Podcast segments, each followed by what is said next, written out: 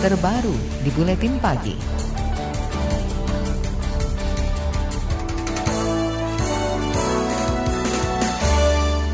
Komisi Perlindungan Anak Indonesia KPAI menyebut terjadi ratusan kasus tindak pidana perdagangan orang atau TPPO dan eksploitasi anak sepanjang 2019.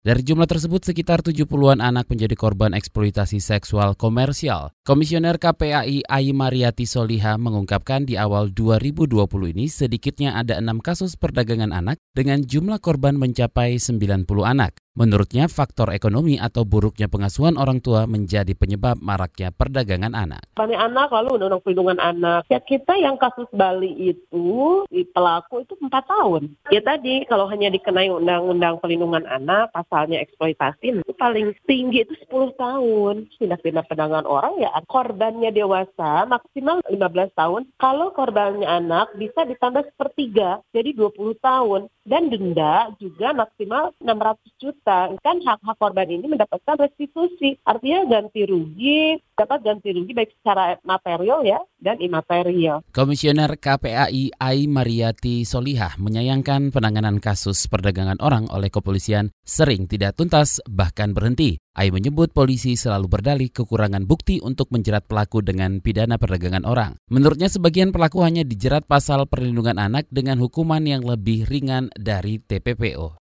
Lembaga Pemerhati Anak Ekpat Indonesia menyebut akar permasalahan maraknya perdagangan anak adalah lambannya penegakan hukum oleh kepolisian. Kata Koordinator Ekpat Indonesia Ahmad Sofian, kepolisian kerap enggan membuktikan unsur tindak pidana kasus ini. Kepolisian kerap kesulitan membuktikan karena harus memenuhi unsur cara perekrutan, proses, dan tujuan perdagangan anak. Kalau dia tidak bisa, tidak cukup alat buktinya untuk TTPPO, sebetulnya polisi bisa gunakan pasal lain. Misalnya penjualan anak, kekerasan pada anak, ya, eksploitasi pada anak. Jadi sebetulnya bisa dialihkan. Gitu. Ada penyidik yang agak tolol, dihentikan. Tapi ada penyidik yang smart, dipindahkan, dijungtukan istilahnya. Koordinator Ekpat Indonesia Ahmad Sufyan menyebut modus TPPO anak saat ini di antaranya melalui berbagai lowongan pekerjaan. Kata Sofyan, anak kerap menjadi pekerja di tempat hiburan malam, hotel, dan apartemen. Ia mendesak pemerintah memperketat pengawasan pengelolaan tempat tersebut. Saudara KBR telah menghubungi juru bicara Polri Argo Yuwono melalui pesan singkat. Namun Argo enggan menanggapi lebih banyak soal maraknya kasus perdagangan anak. Ia hanya menyebut telah bekerja sesuai prosedur dan bekerja sama dengan lembaga serta kementerian. Argo juga menyebut kepolisian terus melakukan koordinasi di tingkat daerah untuk mencegah kasus perdagangan anak. Menurutnya kepolisian juga telah berhasil mengungkap sejumlah kasus perdagangan anak di Jakarta tahun ini. Di antaranya di apartemen Kalibata City, Jakarta Selatan dan tempat hiburan di Penjaringan, Jakarta Utara. Kementerian Pemberdayaan Perempuan dan Perlindungan Anak PPPA mengaku upaya pencegahan tindak pidana anak kurang efektif. Deputi Bidang Perlindungan Anak Kementerian Nahar mengatakan, upaya pencegahan masih sebatas sosialisasi, diskusi kelompok hingga survei nasional.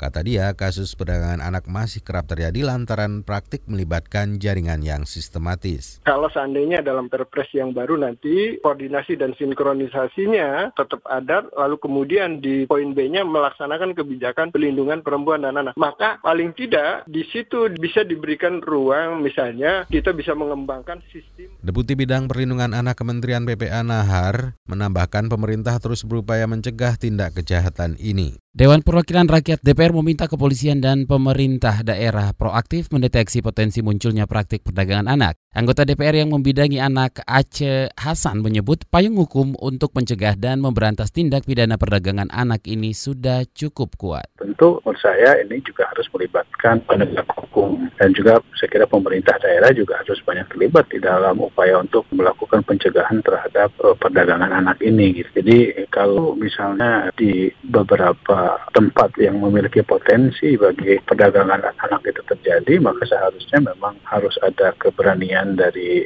penegak hukum untuk melawan atau eh, menindak pihak-pihak yang melakukan perdagangan anak itu. Gitu. Politikus Partai Golkar Aceh Hasan mengkritik upaya pencegahan yang hanya dilakukan dengan sosialisasi. Ia menyarankan deteksi terhadap pola asuh anak di keluarga yang perlu digalakan. Dia meminta Kementerian Anak lebih gencar bersinergi dengan Pemda dan penegak hukum untuk mencegah praktik perdagangan anak yang berujung eksploitasi kembali terjadi. Pengamat hukum pidana Abdul Fikar Hajar menilai perlu peraturan presiden yang memberi wewenang lebih bagi Kementerian PPA terkait praktik perdagangan anak. Menurutnya, Perpres akan lebih mudah diimplementasikan dan lebih spesifik serta bisa mengakomodir keinginan kementerian dibanding undang-undang. Perpres ini juga akan memudahkan Kementerian Anak berkoordinasi antar lembaga terkait. Kementerian Perempuan dan Anak itu adalah dalam konteks undang-undang penjualan orang adalah perlindungan terhadap korban dan korban perempuan dan anak. Dia dia bisa langsung gitu. Umpamanya Perpres itu mendelegasikan, memerintahkan kepada, memberi kewenangan kepada kementerian ini untuk langsung menangani meskipun itu sedang ditangani oleh penegak hukum umpamanya. Tapi perlindungannya bisa langsung jalan. Lang. Itu dari pengamat hukum pidana Abdul Fikar Hajar. Sebelumnya terjadi ratusan kasus tindak pidana perdagangan orang TPPO dan eksploitasi anak sepanjang tahun lalu. Dari jumlah tersebut sekitar 70-an anak menjadi korban eksploitasi seksual komersil.